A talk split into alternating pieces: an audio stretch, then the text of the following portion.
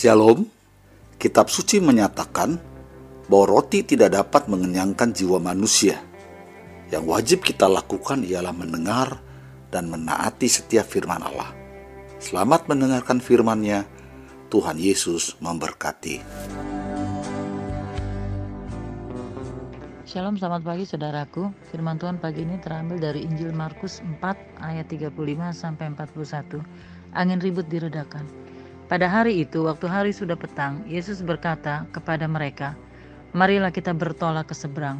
Mereka meninggalkan orang banyak itu lalu bertolak dan membawa Yesus beserta dengan mereka dalam perahu di mana Yesus telah duduk dan perahu-perahu lain juga menyertai dia. Lalu mengamuklah tofan yang sangat dahsyat dan ombak menyembur masuk ke dalam perahu, sehingga perahu itu mulai penuh dengan air. Pada waktu itu Yesus sedang tidur di buritan di sebuah tilam. Maka murid-muridnya membangunkan dia dan berkata kepadanya, Guru, engkau tidak peduli kalau kita binasa? Ia pun bangun menghardik angin itu dan berkata kepada danau itu, Diam, tenanglah. Lalu angin itu reda dan danau itu menjadi teduh sekali. Lalu ia berkata kepada mereka, Mengapa kamu begitu takut? Mengapa kamu tidak percaya? Mereka menjadi sangat takut dan berkata seorang kepada yang lain, Siapa gerangan orang ini sehingga angin dan danau pun taat kepadanya. Firman Tuhan pagi ini saya beri judul pengenalan yang benar. Saudaraku, Danau Galilea ada di daerah dataran tinggi dan dikelilingi oleh banyak pegunungan dan perbukitan. Itu sebabnya angin topan bisa datang dengan tiba-tiba tanpa dapat diprediksi oleh siapa pun juga. Walaupun para murid bekerja sebagai nelayan yang selalu ada di laut atau di danau, mereka juga tetap tidak dapat memprediksikan apa yang akan terjadi di tempat mereka biasa bekerja. Bahkan keahlian mereka sebagai nelayan pun tidak mampu mengatasi angin tofan yang mengamuk dan datang dengan tiba-tiba. Bahkan mereka sangat takut, cemas, panik, sampai-sampai mereka menyalahkan Yesus dengan mengatakan Yesus tidak peduli dengan mereka. Kisah ini membuat saya bertanya dalam hati, Kok bisa ya murid-murid menjadi sangat takut? Mengapa mereka bisa, menjadi sangat takut?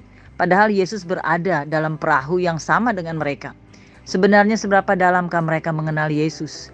Padahal mereka sudah cukup lama loh hidup dan bergaul dengan Yesus. Bahkan mereka juga sudah banyak melihat mujizat-mujizat yang Yesus sudah lakukan. Rupanya apa yang mereka lihat dan alami bersama Yesus selama ini tidak membuat mereka mengenal Yesus dengan benar belum cukup semuanya itu membuat mereka mengenal Yesus dengan benar. Sampai-sampai Yesus mengatakan, "Mengapa kamu begitu takut dan tidak percaya?" Yesus tahu kapasitas kepercayaan para murid terhadapnya itu tidak maksimal. Saudaraku, setuju atau tidak, suka ataupun tidak, kita sudah ada di tahun yang baru. Tuhan sudah bawa kita menyeberang dari tahun 2020 masuk ke dalam tahun 2021. Dan kita tidak tahu apa yang akan terjadi dalam perjalanan hidup kita di tahun yang baru ini. Tidak dipungkiri, jujur dalam hidup kita pun sering kali terjadi hal-hal yang tidak terduga, bahkan yang mengagetkan, menakutkan, dan membuat kita panik. Seringkali pula kita mencari-cari siapa dan apa yang bisa kita salahkan dalam situasi seperti ini. Bahkan nyaris kepercayaan kita pada Tuhan pun sering kali goyah. Padahal jujur kita juga tahu bahwa dia ada bersama kita. Padahal kita juga pernah mengalami pertolongannya yang ajaib bahkan berkali-kali. Tapi mengapa sering kali kita juga menjadi takut dan kurang percaya seperti para murid? Nats ini dan dalam nats ini saya melihat bahwa Yesus sedang mengajar murid-muridnya dan juga mengajar saya untuk membangun iman percaya kita atas dasar pengenalan yang benar dan lebih dalam lagi akan dia.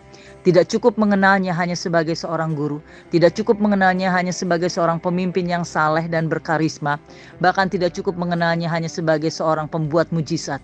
Karena nabi-nabi palsu pun dapat membuat mujizat. Lalu bagaimana kalau dia tidak membuat mujizat? Masihkah kita mempercayainya atau kepercayaan kita beralih pada nabi-nabi palsu? Itulah sebabnya saudara, bangunlah iman percaya kita bukan pada kekaguman atas sebuah mujizat atau banyak mujizat, tetapi pada pengenalan yang benar dan dalam pada Yesus Kristus.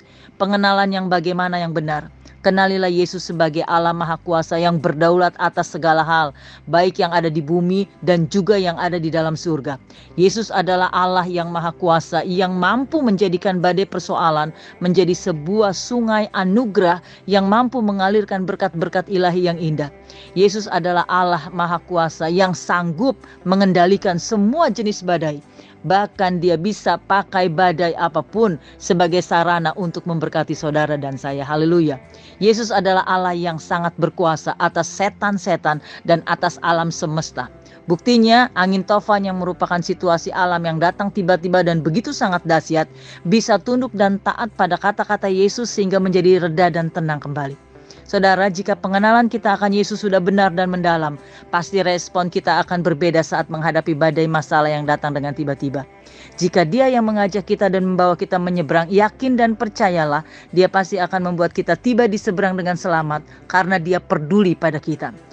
Jika dalam perjalanan kita ada badai masalah yang datang dengan tiba-tiba, apakah badai itu berupa sakit penyakit, kebutuhan ekonomi, atau urusan rumah tangga dan keluarga, yakin dan percayalah, Dia pasti akan membantu kita menghadapi badai tersebut. Dia pasti membuat badai itu tenang dan reda, atau kita yang Dia buat menjadi tenang dan kuat saat menghadapi badai. Saudara, mari di tahun ini kita bangun iman percaya kita pada pengenalan yang benar dan dalam akan Yesus Kristus Tuhan kita. Respon kita terhadap segala badai pergumulan akan sangat berbeda jika kita telah mengenal Yesus Kristus adalah Allah yang maha kuasa dan berdaulat di atas segalanya. Ketakutan, kecemasan, dan kekhawatiran tidak akan pernah bertahan lama dan tidak akan menguasai orang-orang percaya yang mengenal Allahnya dengan benar karena umat yang mengenal Allahnya akan tetap kuat dan dan akan bertindak. Haleluya. Selamat pagi, Tuhan memberkati. Shalom. Sampai jumpa esok hari.